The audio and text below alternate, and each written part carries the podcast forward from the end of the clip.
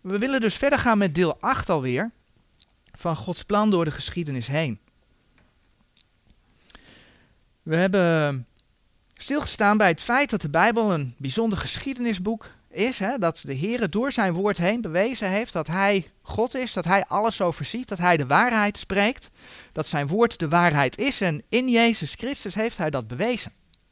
We hebben stilgestaan bij schepping, bij tegenover de evolutie waar dan de wereld mee komt. We hebben erbij stilgestaan dat God alles goed geschapen had. Maar ja, de mens die wilde niet luisteren en die luisterde wel naar de slang, naar de vijand van God.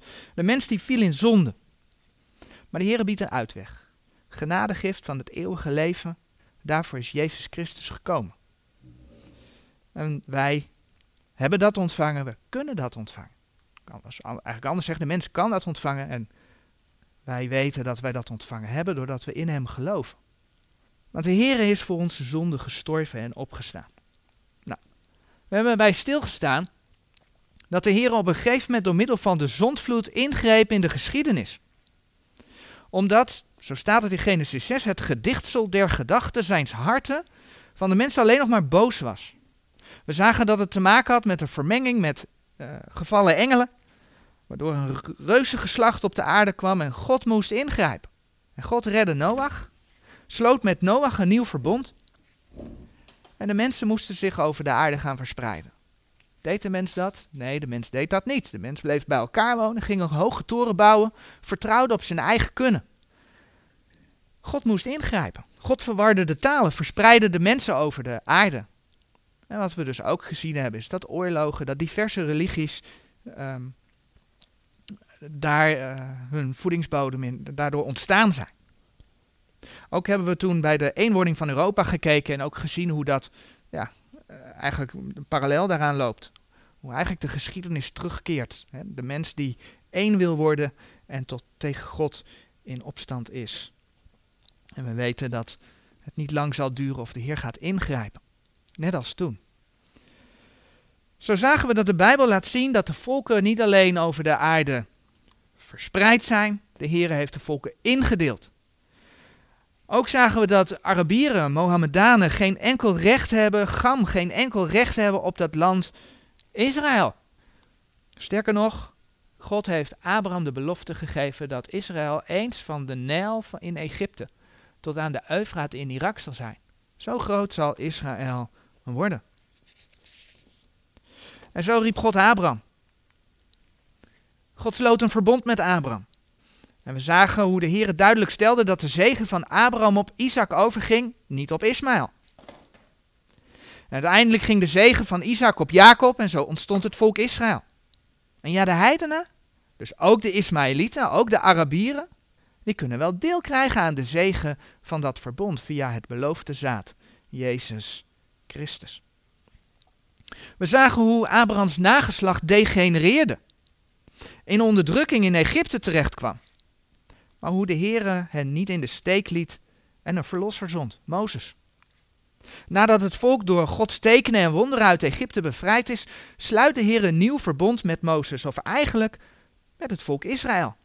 En zij kregen van God de wet. En de Sabbat, dat was een teken van dat verbond tussen God en Israël. Het verbond van de wet dat een voorwaardelijk verbond was. God beloofde de zegen als het volk zou luisteren naar God maar ook heel duidelijk de vloek als het volk niet zou luisteren naar God. En de Heere die sloot zelfs een verbond met het volk Israël, omdat de Heere zag dat het volk zou gaan uh, afvallen. En de Heere die sloot een verbond dat door velen het Palestijnse of diaspora-verbond genoemd wordt. Israël die zal in verval raken, zal uit het land gehaald worden, zal verstrooid worden, maar er komt een moment dat Israël zich zal gaan bekeren. En dan zullen ze door de Heren in het beloofde land worden gebracht. Nou, onder de koningen gaat het al fout met Israël. Het volk wijde zich steeds verder aan de afgoderij en God zorgde ervoor dat het volk in de verstrooiing kwam. En dan spreken we in eerste instantie over de 70-jarige ballingschap. En in Ezra en Nehemia zien we dan dat de Heer met name Juda en Benjamin terughaalt naar Israël, naar dat land, Na 70 jaar en waarom? Zodat zijn woord in vervulling ging. Want hij had gezegd dat de beloofde Messias uit David in Bethlehem geboren zou worden. En zijn woord is in vervulling gegaan. En dan zien we dat Johannes de Doper en de Heer Jezus en zijn discipelen in het begin, en daar hebben we de laatste keer toen we met deze serie bezig waren bij stilgestaan, het koninkrijk verkondigden. Iets wat exact volgens de profetieën was. De Heere sloot ook een verbond met David. De Heere die zou uit hem een koningshuis maken dat tot in eeuwigheid zou duren. Een belofte die, zoals blijkt bij de geboorte van de Heer Jezus, met hem in vervulling zal gaan. Maar het Joodse volk verwierp de Messias. En in 70 na Christus wordt dan opnieuw de tempel verwoest, Jeruzalem wordt verwoest en het volk raakt opnieuw in verstrooiing. Overigens voorzegd door de Heer Jezus dat dat zou gaan gebeuren. En daarmee werd het koninkrijk uitgesteld. De Heer Jezus is nog steeds geen koning geweest op deze aarde. Maar het is hem wel beloofd. Hij gaat het krijgen. Het koninkrijk is nog toekomst. Maar we zijn wel 2000 jaar verder. Als we bedenken dat dan hier ergens dat gebeurd is op de tijdlijn, dan leven wij nu ongeveer 2000 jaar verder. En dat betekent dus dat er nog een andere periode in de geschiedenis is. En daar willen we vanmorgen mee verder gaan. Er is dus een groot verschil in verkondiging tussen wat de Heer Jezus en zijn discipelen op aarde, toen de Heer Jezus op aarde was, dat zij verkondigden, en tussen hetgeen wat ja, zeg, na Pinksteren verkondigd wordt door de apostelen. De Heer Jezus die verkondigde het evangelie van het koninkrijk aan het huis Israëls. En juist niet aan de heidenen. En dat is ook weer zo'n verschil. En die gaan we even opzoeken in Matthäus 10, vers 5 en 6.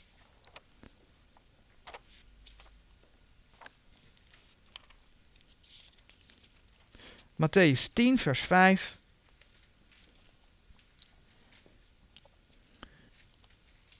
Gedeelte over het feit dat de Heer Jezus de twaalf discipelen uitzendt. En dan lezen we in vers 5 van Matthäus 10. Deze twaalf heeft Jezus uitgezonden en hun bevel gegeven, zeggende: Gij zult niet heen gaan op de weg der heidenen. Duidelijk hè?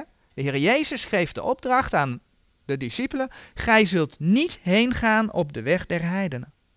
En gij zult niet ingaan in enige stad der Samaritanen, maar gaat veel meer heen tot de verloren schapen van het huis Israëls. Dus een duidelijke opdracht om alleen naar Israël toe te gaan, niet naar de heidenen, zelfs niet naar de Samaritanen. Ze moesten naar Israël gaan. En wat prediken ze dan? Vers 7. En heengaande predikt zeggende het koninkrijk der hemelen is nabijgekomen. Daarentegen, als je verder de Bijbel gaat lezen, kom je tegen dat de apostel Paulus de apostel der heidenen genoemd wordt. Dat is in 1 Timotheus 2 vers 7 bijvoorbeeld, staat op meerdere plekken. De Heere geeft die omwenteling overigens aan in zijn woord. En de vorige keer hebben we al naar Handelingen 13 vers 46 gekeken. Dat uh, Paulus daar aangeeft dat omdat de Joden zich het eeuwige leven niet waardig oordelen, dat staat letterlijk in die tekst, dat Paulus en Barnabas zich daarom keren tot de heidenen. En we zien dan ook dat de boodschap, zijn verkondiging aan de gemeente met name het evangelie der genade Gods genoemd wordt. In Handelingen 20, vers 24 lezen we dat bijvoorbeeld. Handelingen 20, vers 24, daar lezen we dan. Handelingen 20, vers 24. Maar ik acht op geen ding nog houdt mijn leven dierbaar voor mijzelf, opdat ik mijn loop met blijdschap mogen volbrengen en de dienst welke ik van de Heer Jezus ontvangen heb, om te betuigen het evangelie der genade Gods. En van dit evangelie is bekend dat dit tot op Paulus een verborgenheid is geweest. En laten we daarvan dan een gedeelte gaan lezen in Efeze 3. Efeze 3 vanaf vers 1. Efeze 3 vanaf vers 1. Om deze oorzaak ben ik, Paulus, de gevangene van Christus Jezus voor u die heidenen zijt. Indien gij maar gehoord hebt van de bedeling der genade Gods, die mij gegeven is aan u. Dat hij mij door openbaring heeft bekendgemaakt, deze verborgenheid, gelijk ik met weinige woorden tevoren geschreven heb, waaraan gij dit lezende kunt bemerken mijn wetenschap in deze verborgenheid van Christus, welke in andere eeuwen de kinderen der mensen niet is bekendgemaakt, gelijk zij nu is geopenbaard aan zijn heilige apostelen en profeten door de geest. Namelijk dat de heidenen zijn mede-erfgenamen en van hetzelfde lichaam en mededeelgenoten zijner belofte in Christus door het evangelie, waarvan ik een dienaar geworden ben naar de gave der genade Gods, die mij gegeven is naar de werking van zijn kracht. De gemeente, de boodschap die, die de apostelen verkondigden, die Paulus verkondigde na Pinksteren, zeg maar, is een andere boodschap. Want tot die tijd was het een verborgenheid. Het staat er geschreven. En dat het een verborgenheid is geweest, blijkt uit hetgeen centraal staat in het evangelie der genade Gods. En dat vinden we bijvoorbeeld in 1 Korinthe 15, vers 1 tot en met 4. 1 Korinthe 15, vers 1 tot en met 4.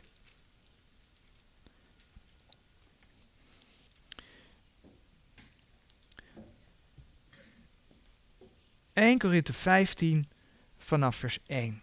Voorts, broeders, ik maak u bekend het evangelie dat ik u verkondigd heb. Het welk gij ook aangenomen hebt, in het welk gij ook staat. Door het welk gij ook zalig wordt, indien gij het behoudt op zodanige wijze als ik het u verkondigd heb. Tenzij dat gij het te vergeefs geloofd hebt. Want ik heb u lieden ten eerste overgegeven Hetgeen ik ook ontvangen heb dat Christus gestorven is voor onze zonden, naar de schriften. En dat hij is begraven en dat hij is opgewekt ten derde dagen naar de schriften. Dus wat centraal staat in, in de verkondiging van de boodschap van Paulus voor de gemeente is dat bekendgemaakt wordt de dood, de begrafenis en de opstanding van Jezus Christus naar de schriften. Dat is wat centraal staat in de brieven aan de gemeente. Maar juist dit was hetgeen dat de discipelen niet begrepen toen de Heer Jezus op aarde was. En de afgelopen keer zagen we daar al een voorbeeld van in Lucas 24. Ik wil nu naar Lucas 18 bladeren, want daar zien we precies hetzelfde. De discipelen begrepen dat niet. In Lucas 18, vanaf vers 31. Dat is een gedeelte waar, waar de Heer Jezus zijn lijden aankondigt. Dat hij aangeeft wat er met hem gaat gebeuren. En dan lezen we vanaf vers 31 dat de Heer Jezus het volgende zegt. En hij nam de twaalfen bij zich en zeide tot hen, zie wij gaan op naar Jeruzalem en het zal alles volbracht worden aan de Zoon des Mensen, wat geschreven is door de profeten. Want hij zal de heidenen overgeleverd worden en hij zal bespot worden en smadelijk behandeld worden en bespogen worden. Ze zullen op hem spugen. En hem gegezeld hebbende, zullen zij hem doden. En ten derde dagen zal hij weder opstaan. En kijk dan wat er in vers 34 staat. En zij verstonden geen van deze dingen. En dit woord was voor hen verborgen. En zij verstonden niet hetgeen gezegd werd. Het lijden, de dood en de begrafenis de opstanding van de Heer Jezus, die waren verborgen voor hen. Die waren een verborgenheid. En toch verkondigden de discipelen het evangelie. Want in Lucas 9, vers 6 staat, en zij, uitgaande, doorgingen al de vlekken, verkondigende het evangelie en genezende de zieken overal.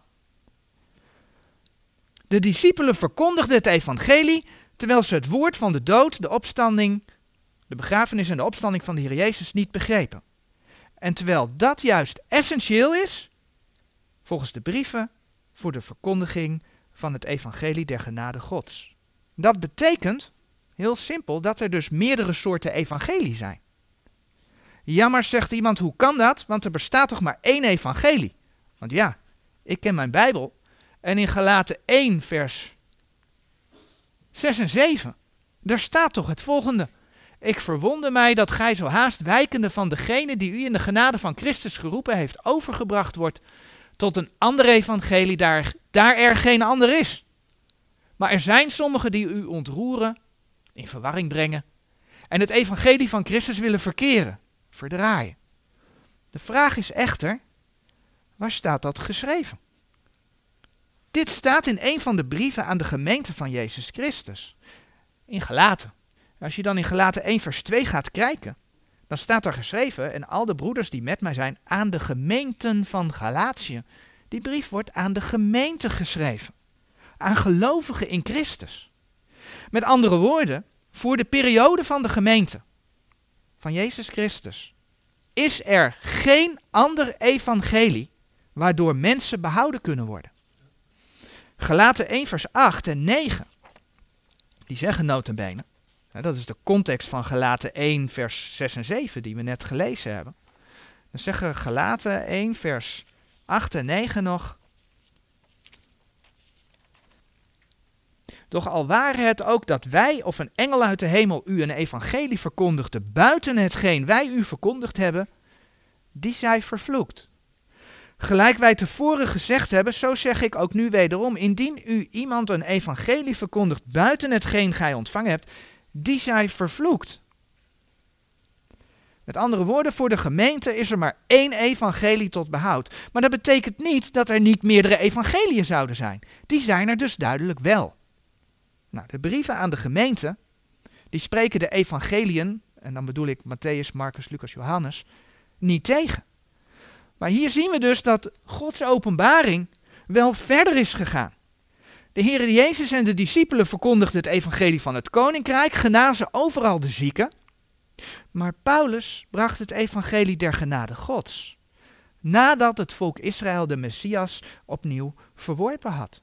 En om het modern te zeggen, dat was geen dingetje van Paulus. Nee, die verdergaande openbaring was door de Heer zelf geleid. Kijk maar, gelaten 1 weer, vers 11 en 12. Maar ik maak u bekend, broeders, dat het evangelie, het welk van mij verkondigd is, Efeze 3, wat tot dan een verborgenheid was, het evangelie, het welk van mij verkondigd is, niet is naar de mens. Want ik heb ook hetzelfde niet van de mens ontvangen, nog geleerd, maar door de openbaring van Jezus Christus.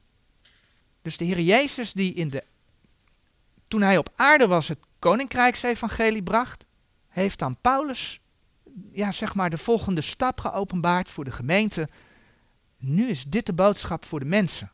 En jij bent degene die dat mag gaan vertellen. En zo is het in Gods woord terechtgekomen. Maar het is openbaring van Jezus Christus. En zo zien we hoe belangrijk het is dat we Gods woord kennen maar dat we ook zijn plan kennen. En dat we niet alles uit zijn woord op één grote hoop gooien, want dat zie je wat binnen de meeste kerken gebeurt. En we maken daar één evangelie van. Dat kan niet. We moeten zijn woord, 2 Timotheus 2 vers 15, op een rechte manier verdelen. En we zullen daar zo een voorbeeld van zien. we zien dat er voor de heidenen, maar overigens ook voor de Jood, Efeze 2 vers 15, na Pinksteren dus een ander evangelie is gaan gelden. Er is dan dus ook sprake van een andere periode, van een nieuwe bedeling. In het Oude Testament lezen we bijvoorbeeld dat Israël door God apart was gezet van de volken, zodat Gods heerlijkheid door hen openbaar zou worden. En in Deuteronomium 26, vers 19, daar lees je bijvoorbeeld op dat hij u alzo boven al de volken die hij gemaakt heeft hoog zette. Zei hij tegen Israël, hè? Hij stelde Israël hoog boven al de volken. Tot lof en tot de naam en tot heerlijkheid. En opdat gij een heilig volk zijt, de Heere uw God. Gelijk als hij gesproken heeft. Dat is de positie die God onder de wet aan Israël gaf. Maar Israël was ongehoorzaam.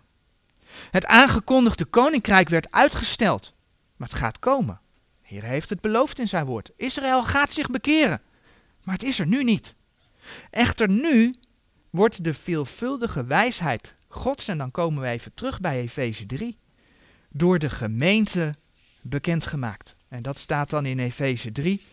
We hebben al vers 1 tot en met 7 gelezen. En dan gaan we nu verder bij vers 8. Efeze 3 vanaf vers 8. Daar lezen we dan. Mij, de allerminste van al de heiligen, is deze genade gegeven onder de heidenen door het evangelie te verkondigen de onnaspeurlijke rijkdom van Christus. En alle te verlichten dat zij mogen verstaan welke de gemeenschap der verborgenheid is, die van alle eeuwen verborgen is geweest in God. Nogmaals, het was dus tot op dan een verborgenheid. Welke alle dingen geschapen heeft door Jezus Christus. Opdat nu door de gemeente bekendgemaakt worden aan de overheden en de machten in de hemel de veelvuldige wijsheid Gods. Dus de periode tussen de kruisiging en Pinksteren en het koninkrijk, nou ja, eigenlijk moeten we dan zeggen de opname van de gemeente, is dus de periode van de gemeente. God gebruikt nu de gemeente om zijn ehm, eh, veelvuldige wijsheid bekend te maken. Dat is wat Gods woord laat zien. Nou, in de brieven aan de gemeente wordt dus gewaarschuwd dat er voor deze tijd geen andere evangelie is, waardoor mensen behouden kunnen worden. En dat betekent dus dat men een verkeerd evangelie uh, kan brengen.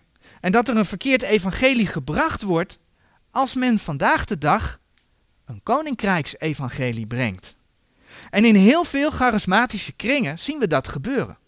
En het zijn deze kringen waar men vaak vooral gericht is op de gaven van de geest en dan ook met name, hè, want als je de gaven van de geest nagaat, dan zijn er heel veel gaven.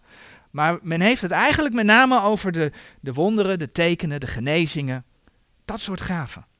En men gaat dan voorbij aan het feit dat wonderen en tekenen door de Heer Jezus en de discipelen die dat deden, dat die lieten zien dat in de Heer Jezus heel veel oud-testamentische profetieën in vervulling gingen. Waarom? God bewees daarmee dat hij de beloofde Messias was. Kijk maar in Matthäus 8, vers 16 en 17. Zij gaan daarmee aan voorbij dat God die wonderen en tekenen deed ter bevestiging van zijn woord. Want zijn woord moest bevestigd worden. Mensen moesten zien van wat die apostelen daar zeggen, dat klopt, dat is waarheid. God bevestigde zijn woord. Marcus 16, vers 20. Handelingen 14, vers 3. Hebreeën 2, vers 4. Al die teksten laten dat zien. Men gaat eraan voorbij dat de Bijbel deze gaven, en die tekst laten we die even opzoeken, de merktekenen van een apostel noemt. Dat hoor je niet in die kringen. 2 Korinthe 12, vers 12, daar staat geschreven: De merktekenen van een apostel zijn onder u betoond, in alle leidzaamheid met tekenen en wonderen en krachten. Het zijn merktekenen van een apostel. 2 Korinthe 12, vers 12 was dat. Ook gaat men eraan voorbij dat de Bijbel laat zien dat er vandaag de dag geen apostelen zijn. Als je terugbladert naar 1 Korinthe 4, vers 9. En daar heb je dan een statenvertaling voor nodig, want in de meeste nieuwe vertalingen is dat anders vertaald. 1 Korinthe 4, vers 9. En daar lees je dan 1 Korinthe 4, vers 9. Want ik acht dat God ons, die de laatste apostelen zijn, tentoon heeft gesteld als tot de dood verwezen. Want wij zijn een schouwspel geworden der wereld en de engelen en de mensen. Maar er wordt gesproken over de laatste apostelen. Als er vandaag de dag geen apostelen zijn, en die wonderen en die tekenen die gebeurden merktekenen van een apostel waren, dan zijn er vandaag de dag geen merktekenen van een apostel. Met andere woorden, de hedendaagse wonderen en tekenen zijn vaak vals. Maar degene die wel echt gebeuren, want ja, het kan, door de hand van, want daar gaat het dan om. Hè. Kijk, ik geloof echt wel dat God kan ingrijpen. En God dingen kan doen voor iemand. Echt wel. God is machtig, God is almachtig, God kan alles. Maar het gaat erom dat in handelingen heel vaak gesproken wordt, door de handen van de apostelen geschieden die, ja, en daar heb je dan de genezers ook vandaag de dag. Door de handen van Mozes gebeurden wonderen in het Oude Testament. Door de handen van Jezus Christus gebeurden wonderen. Matthäus 8, vers 16 en 17. Door de hand van de apostelen gebeurden wonderen. Maar op een gegeven moment waren er laatste apostelen. Dus toen was er een stop. En waar waarschuwt de Bijbel voor? De eindtijd. De eindtijd zal een tijd zijn van afval van geloof, van valse apostelen. 2 Korinthe 11, vers 13 van Satan die als een engel des lichts verschijnt, 2 Korinthe 11 vers 14, van vele valse profeten, Matthäus 24, vers 11, en van verleidende geesten en leringen der duivelen, 1 Timotheus 4, vers 1. En wat gebeurt er in de grote verdrukking? Dan komt de antichrist en wat doet hij? Die verschijnt naar de werking des Satans in alle kracht en tekenen en wonderen der leugen, 2 Thessalonicense 2, vers 9. Dat is het plaatje wat God geeft in zijn woord.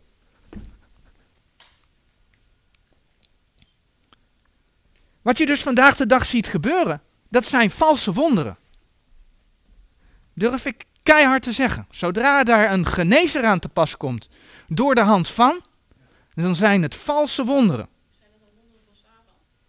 Als ik Gods woord mag begrijpen, dan gaat er, staat er in de grote verdrukking heel duidelijk bij dat het krachten, wonderen en tekenen der leugen zijn. En wie is de vader der leugen? Dat is de duivel. En wie zou er anders bij machten zijn, een geestelijke entiteit, om, om, om naast God dat soort dingen te doen? Dat moet van, eh, van de vijand van God afkomen. Maar ik kom daar zo in mijn voorbeeld nog even op terug. Um, die dingen worden niet ingegeven door de God van de Bijbel. Dat kan niet. En waar is men dan mee bezig? Men is dan bezig met een vorm van spiritisme. En dan denk ik even aan dat filmpje wat ik zag van de jongerendag. Hoe daar de gaven van de geest genoemd worden in die intro. Dat wordt haast gelispeld. Ja, sorry. Ik heb daar een bepaalde associatie bij als ik dat dan zie. En vaak zien we dan ook dat er in deze kringen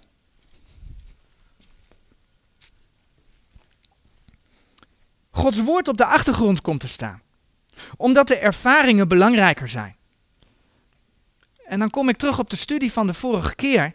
Als men Gods woord op de achtergrond zet, dan dooft men de Heilige Geest uit. Daar waar men hoog opgeeft over de geest, tegenwoordig heeft men blijkbaar heel weinig van de geest. En dan moet ik denken aan wat openbaring over Laodicea laat zien. In openbaring 2 en 3 laat de Heer profetisch de kerkgeschiedenis zien.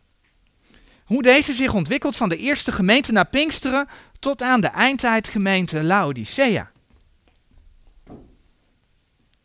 En de eindtijd wordt gekenmerkt door 2 Thessalonicense 2 vers 3 afval van het geloof. De laatste gemeente, hè, voordat de Heer de zijne komt halen, is dan volgens openbaring 3 vers 14 tot 22 die gemeente der Laodicense. En wat zien we dan geschreven in Openbaring 3, vers 17? Ik zou zeggen, pak hem erbij. Openbaring 3, vers 17.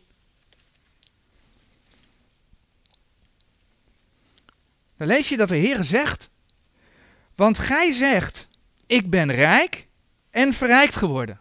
Nou ga eens met die christenen praten die die gaven meegemaakt hebben. Die denken echt dat ze rijk zijn. Want gij zegt, ik ben rijk en verrijkt geworden en heb geen gebrek.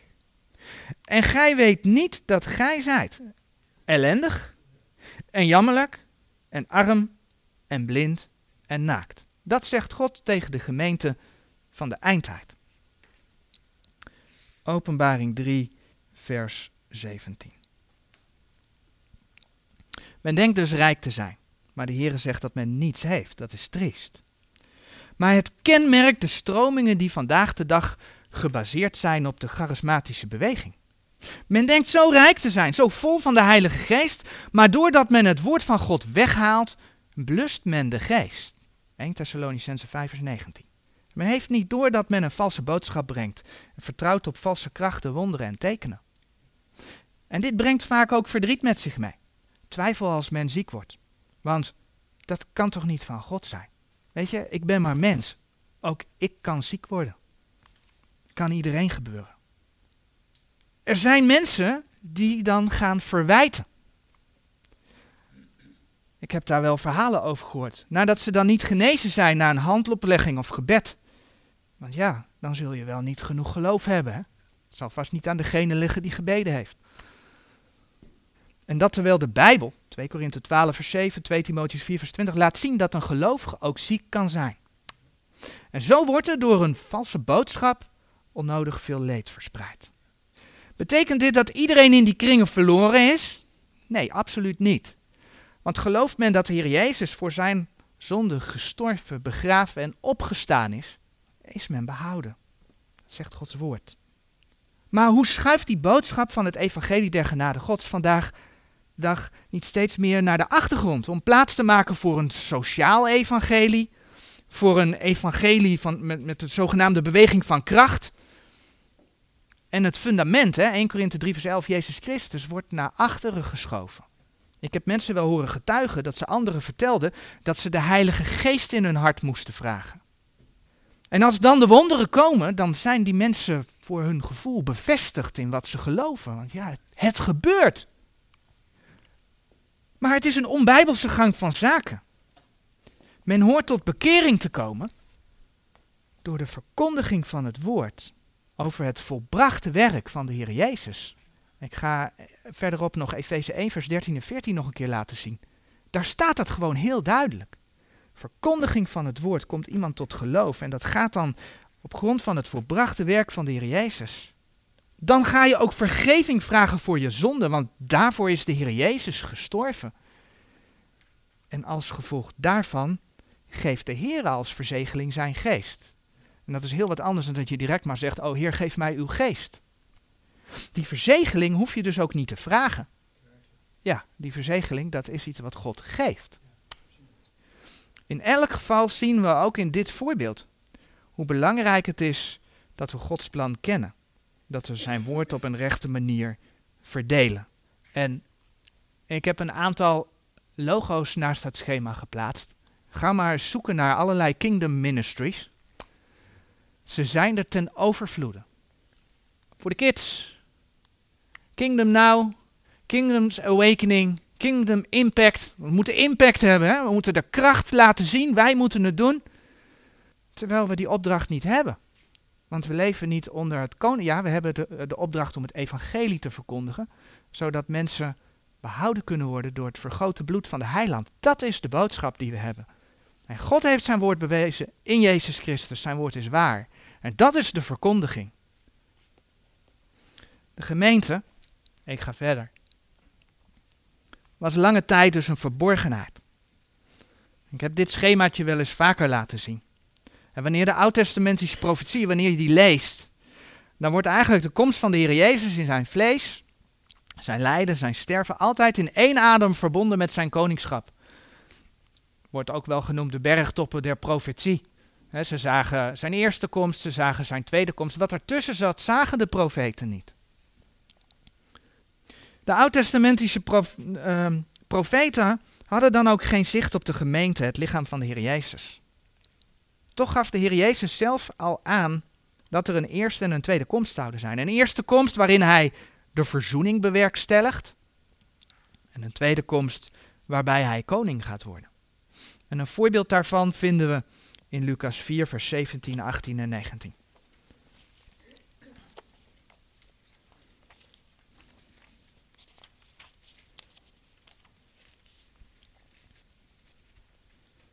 Lucas 4, vers 17, 18 en 19. En hem werd gegeven, de Heer Jezus in de synagoge. En dan lezen we, en hem werd gegeven het boek van de profeet Jezaja. En als hij het boek open gedaan had, vond hij de plaats waar geschreven was, de geest des Heer is op mij, daarom heeft hij mij gezalfd. Hij heeft mij gezonden om de armen het evangelie te verkondigen, om te genezen die gebroken zijn van hart om de gevangenen te prediken loslating en de blinden het gezicht, om de verslagenen heen te zenden in vrijheid, om te prediken het aangename jaar des Heren. En dan stopt de Heer Jezus met lezen. In Lucas 4, vers 20 lezen we. En als hij het boek toegedaan en de dienaar wedergegeven had. Dus de Heer Jezus stopt daar met lezen. En dan zegt hij in vers 21. En hij begon tot hen te zeggen: Heden is deze schrift in uw oren vervult. Nou, de tekst die de Heer Jezus daar las, dat is Jezaja 61 en dat gaan we even opzoeken. Jezaja 61.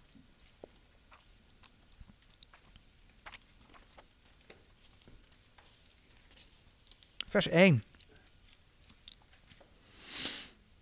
Jezaja 61 vanaf vers 1. Als je het wil vergelijken, dan kun je daar Lucas 4 bij houden. Maar dit ging de Heer Jezus lezen. Lucas, uh, Jezaja 61 vers 1. De geest des Heren, Heren is op mij, omdat de Heer mij gezalfd heeft om een blijde boodschap te brengen de zachtmoedigen. Hij heeft mij gezonden om te verbinden de gebrokenen van hart, om de gevangenen vrijheid uit te roepen en de gebondenen opening der gevangenis. Om uit te roepen het jaar van het welbehagen des Heren. En als je dan Lucas 4 ernaast legt op dit punt, midden in vers 2, zegt het, doet hij het boek dicht, geeft hij het aan de, de, de dienaar. En dan zegt hij, heden is deze schrift in uw oren vervuld. De Heer Jezus onderbrak een profetie over hemzelf. Vers 2b en, en 3 gaan als volgt verder. En de dag der wraken onze schots om alle treurigen te troosten. Om de treurige Sions te beschikken dat hun gegeven worden sieraad voor as, vreugdeolie voor treurigheid, het gewaad des lofs voor een benauwde geest. Opdat zij genaamd worden eikenbomen der gerechtigheid. Een planting des Heren, opdat hij verheerlijkt wordt. En dat stuk kun je verder doorlezen. En wat je dan ziet, is dat het stuk verder gaat over Israëls herstel. Dat door de Heer Jezus zal worden uitgeroepen.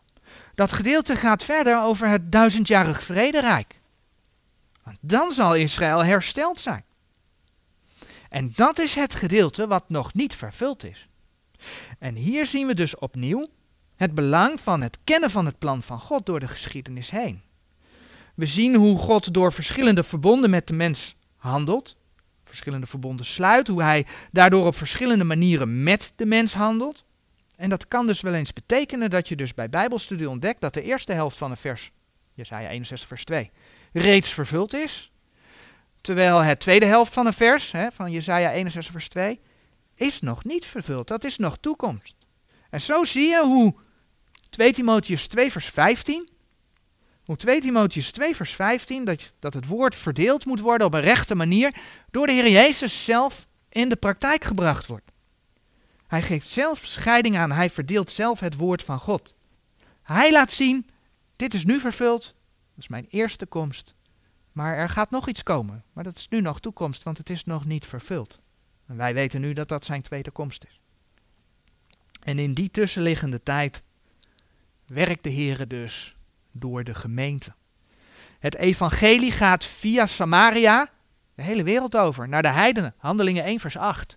Maar gij zult ontvangen de kracht des heilige geestes die over u komen zal en gij zult mijn getuige zijn, zo te Jeruzalem als in geheel Judea en Samaria en tot aan de uiterste der aarde.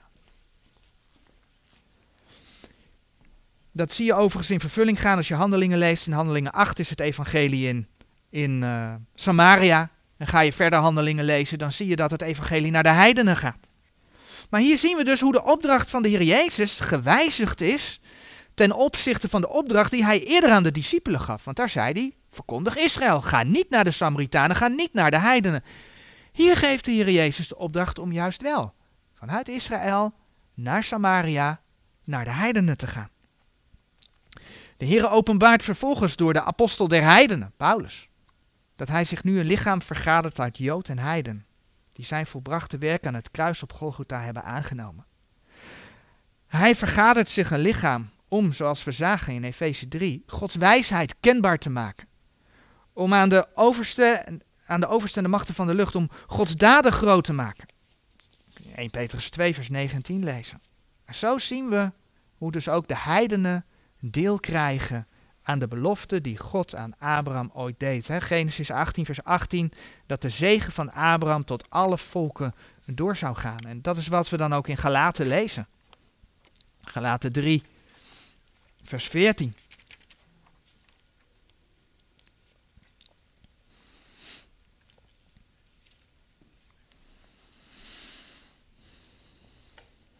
Galaten 3, vers 14, opdat de zegening Abrahams tot de heidenen komen zou in Christus Jezus. En opdat wij de belofte des geestes verkrijgen zouden door het geloof. Vers 16. Nu zo zijn de beloftenissen tot Abraham en zijn zaad gesproken. En hij zegt niet, en de zaden als van velen, maar als van één. En uw zaad, het welk is Christus. Dus in Christus zou de zegen tot alle volken doorgaan. En dan zegt vers 29 nog. En indien gij van Christus zijt, zo zijt gij dan Abrahams zaad en naar de beloftenis erfgenamen. En in dat lichaam is er dus ook geen onderscheid tussen wederom geboren Jood en wedergeboren heiden. Dat hoor je af en toe ook nog wel eens zeggen. Dat de gemeente een samenvoeging is van orthodox Jodendom en uh, de heidenen. Volgens mij ik vermoed dat daar ook uit voortkomt dat heel vele tegenwoordig de Sabbat gaan houden, de Joodse feesten gaan houden, want ja, Handelingen 15 laat wat anders zien. Nee, er is geen onderscheid tussen, tussen de, de Jood en de Heiden in het lichaam van Christus.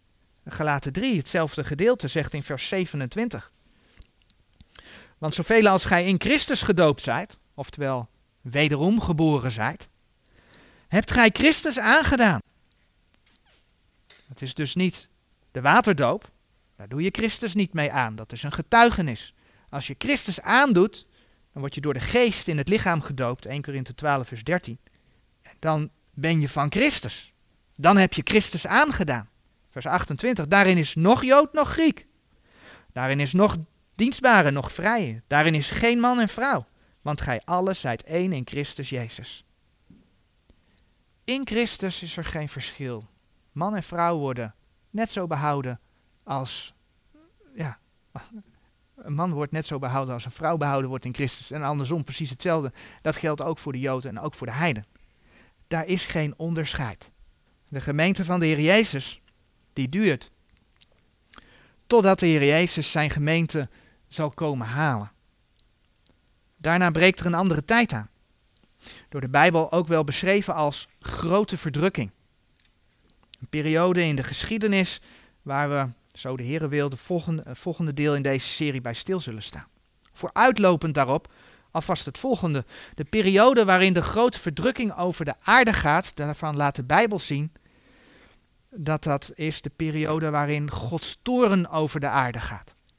Dat kun je onder andere vinden in Openbaring 6, vers 16, Openbaring 15, vers 1 en 7, Openbaring 16, vers 1. En ik stel voor om daar dan even Openbaring 16, vers 1 bij te pakken, om het in ieder geval even in één tekst te zien. In Openbaring 16, vers 1, daar lezen we.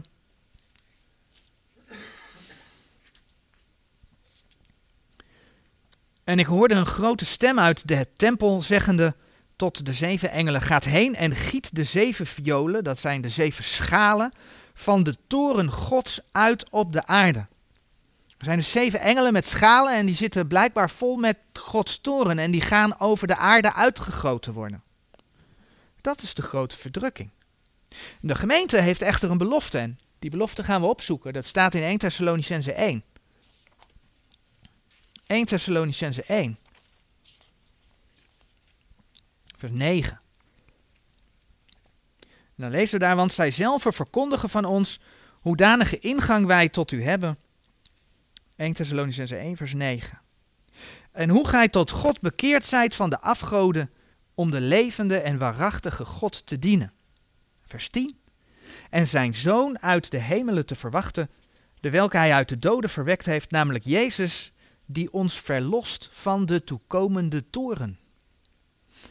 En zo kun je kijken in 1 eh, Thessalonicense 5 vers 9.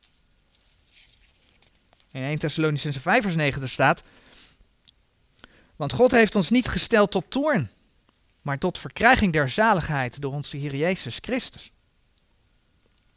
De Heer Jezus zal zijn gemeente, zal ons komen halen voordat Gods toren over de aarde gaat. En dan hebben we het dus over de opname van de gemeente. Dat is wat de Heer in zijn woord zegt. En dat is een geweldige belofte die de Heer aan zijn gemeente heeft gegeven. En daar willen we dan een, stukje van lezen, hè? 1 Thessalonicense 4. Heel bekend schriftgedeelte denk ik voor ons, maar we gaan het toch lezen. 1 Thessalonicense 4 vanaf vers 13. Doch broeders, ik wil niet dat gij onwetende zijt van degenen die ontslapen zijn, opdat gij niet bedroefd zijt gelijk als de anderen die geen hoop hebben. Want indien wij geloven dat Jezus gestorven is en opgestaan, alzo zal ook God degenen die ontslapen zijn in Jezus wederbrengen met hem. Want dat zeggen wij u door het woord des Heren, dat wij die levend overblijven zullen tot de toekomst des Heren, niet zullen voorkomen degenen die ontslapen zijn. Want de Heere zelf zal met een geroep, met de stem des archangels en met de bazuin Gods nederdalen van de hemel, en die in Christus gestorven zijn, zullen eerst opstaan. Daarna, wij die levend overgebleven zijn, zullen tezamen met hen opgenomen worden in de wolken, de Heere tegemoet, in de lucht. En alzo zullen wij altijd met de Heere wezen. Zo dan vertroost elkander met deze woorden. Dat is waar wij naar mogen uitzien. Voordat de gemeente opgenomen wordt, zien we dat de periode van de gemeente eindigt in een falend christendom. Nou, eigenlijk hebben we het al genoemd in het voorbeeld over het verkeerde evangelie voor deze tijd. De laatste kerk, de laatste lokale gemeente, wordt in openbaring beschreven als een afvallige gemeente, Laodicea. En de laatste dagen worden ook gekenmerkt door afval van het geloof, 2 Thessalonicense 2 vers 3. Nou, als we naar 2 Timotheus bladeren, dan lezen we ook in Timotheus over, over die tijd, hoe dat eruit zal zien. 2 Timotheus 3 vanaf vers 1. En weet dit, dat in de laatste dagen ontstaan zullen zware tijden. Want de mensen zullen zijn liefhebbers van zichzelf, geldgierig, laatdunkend, hoogvaardig, lasteraars, de ouders ongehoorzaam, ondankbaar, onheilig, zonder natuurlijke liefde, onverzoenlijk, achterklappers, roddelaars, onmatig, wreed, zonder liefde tot de goede, verraders, roekeloos, opgeblazen, meer liefhebbers der wellusten dan liefhebbers Gods. En dan komt hij, hebbende een gedaante van godzaligheid, maar die de kracht derzelver verlogend hebben. Heb ook een afkeer van deze. Het mag duidelijk zijn. In de laatste dagen gebeurt er veel onder de naam van de Heer Jezus. Ondanks dat de kerken leeglopen, hè, dat is wat er nogal veel gezegd wordt. Er gebeurt veel onder de naam van Jezus. Hebbende een gedaante van godzaligheid, staat er in dat vers. Maar het heeft niets meer met hem en zijn woord te maken. En dat is een typering van de tijd waarin wij leven. Mensen hebben Gods woord ingeruild voor een nieuw bedorven versie. De NBV. Mensen hebben Gods woord ingeruild voor een heel subtiele versie de HSV. Mensen hebben Gods woord ingeruild voor een bijzonder giftige tekst, de BGT. Ja, en ze denken rijk te zijn, want juist in de kringen waar ze dat zo promoten, daar gebeuren de wonderen. Ze denken rijk te zijn en verrijkt te zijn, want oh, we hebben nu iets geweldigs. Ik kan eindelijk God, spreken, God horen spreken in mijn eigen taal, de BGT. Wat zijn we rijk? Maar ze zijn arm omdat ze zich, zegt Gods woord, door valse geesten laten leiden. In 2 Thessalonicense 2 vers 3 staat dan ook geschreven dat de Heer Jezus zijn gemeente zal, niet, niet zal komen halen voordat de afval gekomen is. Dat, ja. dat u niemand verleiden in enige wijze, want die komt niet tenzij dat eerst de afval gekomen is en dat geopenbaard is de mens der zonde, de zoon des verderfs. Als we om ons heen kijken, dan weten we dat de toekomst van onze Heer Jezus Christus, onze toevergadering tot Hem, zoals dat in 2 Thessalonicense 2 vers 1 genoemd wordt, aanstaande is. We leven midden in die afval. Ondertussen worden wij opgeroepen om standvastig te zijn. Als ik naar 2 Thessalonicense 2 vers 15 blader, 2 Thessalonicense 2 vers 15, dan, dan lezen we daar 2 Thessalonicense 2 vers 15. Zo dan, broeders, staat vast en houd de inzettingen die u geleerd zijn, het zij door ons woord, het zij door onze zendbrief. Staat vast. Ietsjes terug, 1 Thessalonicense 5 vers 6. Zo laat ons dan niet slapen gelijk als de anderen, maar laat ons waken en nuchter zijn. En 1 Thessalonicense 5 vers 11 zegt dan nog. Daarom vermaant elkander en sticht de een de ander gelijk gij ook doet. Net zoals eigenlijk het gedeelte van de opname afsluit, hè, 1 Thessalonicense 4 vers 18 met de woorden, zo dan vertroost elkander met deze woorden. Daarin ligt onze troost, te midden van alles wat we om ons heen zien gebeuren. De Heere zal ons komen halen. Wij zullen Hem zien van aangezicht tot aangezicht. En zo hebben we als gemeente een geweldige belofte. Als gemeente van de Heer Jezus hebben we ook een heleboel zegeningen. In het Oude Testament was er niemand wederom geboren. Maar wij als leden van zijn lichaam, van zijn gemeente, zijn allemaal wederom geboren. Als je Jezus Christus hebt aangenomen, als je je zonde beleden hebt, in hem gelooft, dan krijg je zijn geest, dan ben je wederom geboren. Dat is onze redding.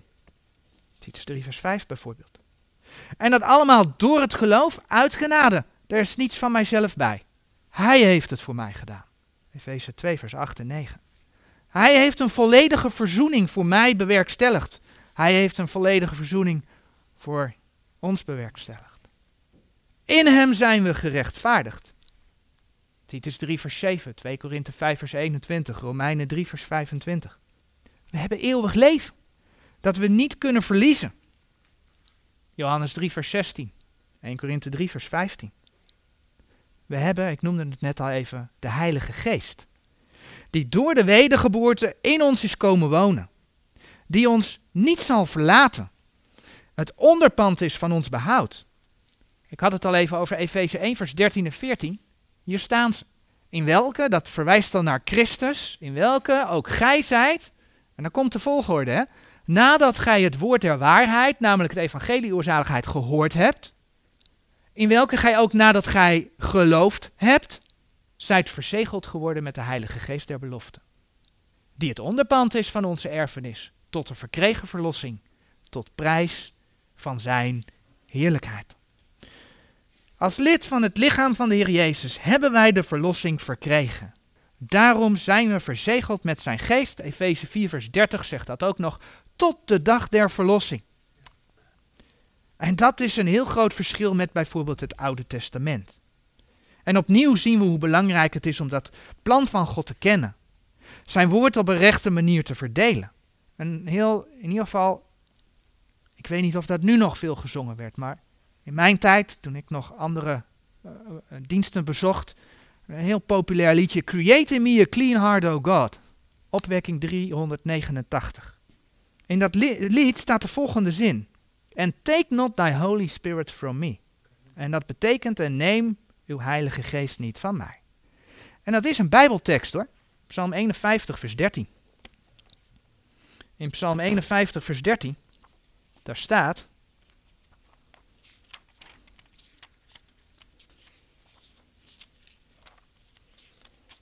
51, vers 13. Verwerp mij niet van uw aangezicht en neem uw heilige geest niet van mij. Dat is een Bijbeltekst. Hoe mooi is het niet om een Bijbeltekst te zingen? Dus waar doen we moeilijk over? David was bang dat de Heer zijn heilige geest van hem af zou nemen. Want bij koning Saul was dat gebeurd. 1 Samuel 15 vers 23, 1 Samuel 16 vers 14, daar staat letterlijk dat God zijn geest wegnam bij Saul. Bij Simpson gebeurde hetzelfde. Simpson werd geleid door de Heilige Geest, Richteren 13 vers 25. Maar hij verloor zijn kracht doordat hij uh, aan Delila vertelde wat hij niet aan Delila mocht vertellen. Maar Simpson kreeg het ook heel even nog weer terug. Toen hij gevangen genomen was door de Filistijnen en hij stond tussen die tempelpilaren, toen bad hij tot God en toen kreeg hij nog één keer van God die kracht terug. Bij Simpson kwam de geest, ging de geest en kwam de geest. Simpson stierf met de Filistijnse afgodendienaars. Toen hij nog één keer van God die kracht kreeg. Het is allemaal echt gebeurd. Maar wanneer wij als gemeente dit opwekkingslied gaan zingen, dan zijn wij in ongeloof aan het zingen. Want de Heer heeft beloofd dat wij verzegeld zijn met zijn geest tot de dag der verlossing. Dus waarom dan zingen? O Heer, neem uw Heilige Geest niet van mij. En ja, ik weet het. We kunnen de Heilige Geest bedroeven. Maar wat wij dan kunnen doen, dan zondigen wij. Dan kunnen wij vergeving vragen voor onze zonden. Wij beleiden onze zonden en we vragen de Heer, Heer, help mij om niet weer te zondigen. Help mij tot eer van, van u te leven en ja, dat kun je aan de Heer vragen. Wilt u mij meer vervullen met uw geest? Maar dat is wat anders dan, oh Heer, neem niet uw geest van mij. Als ik een kind van God ben, ben ik behouden. Ben ik verzegeld tot de dag der verlossing. En zo belangrijk is het dus om Gods plan te kennen. Er zijn nog meer zegeningen. De gemeente is deel van zijn lichaam. Daarmee zijn we de bruid. Mooie verwijzing Efeze 5 vers 30 tot 32 waar het huwelijk tussen man en vrouw vergeleken wordt tussen de relatie tussen Jezus Christus en zijn gemeente. Maar beseffen we dat dat specifiek voor de gemeente, dat dat specifiek voor ons als onderdeel van zijn gemeente geldt. De Heer houdt namelijk in zijn plan rekening met allerlei groepen mensen. Hij beschrijft bijvoorbeeld in Matthäus 22 dat er bij de bruiloft de bruiloftsgasten zijn. Maar ook uh, zegt, hij, zegt Johannes de Doper, waarvan geschreven staat dat er geen meerder profeet is dan Johannes.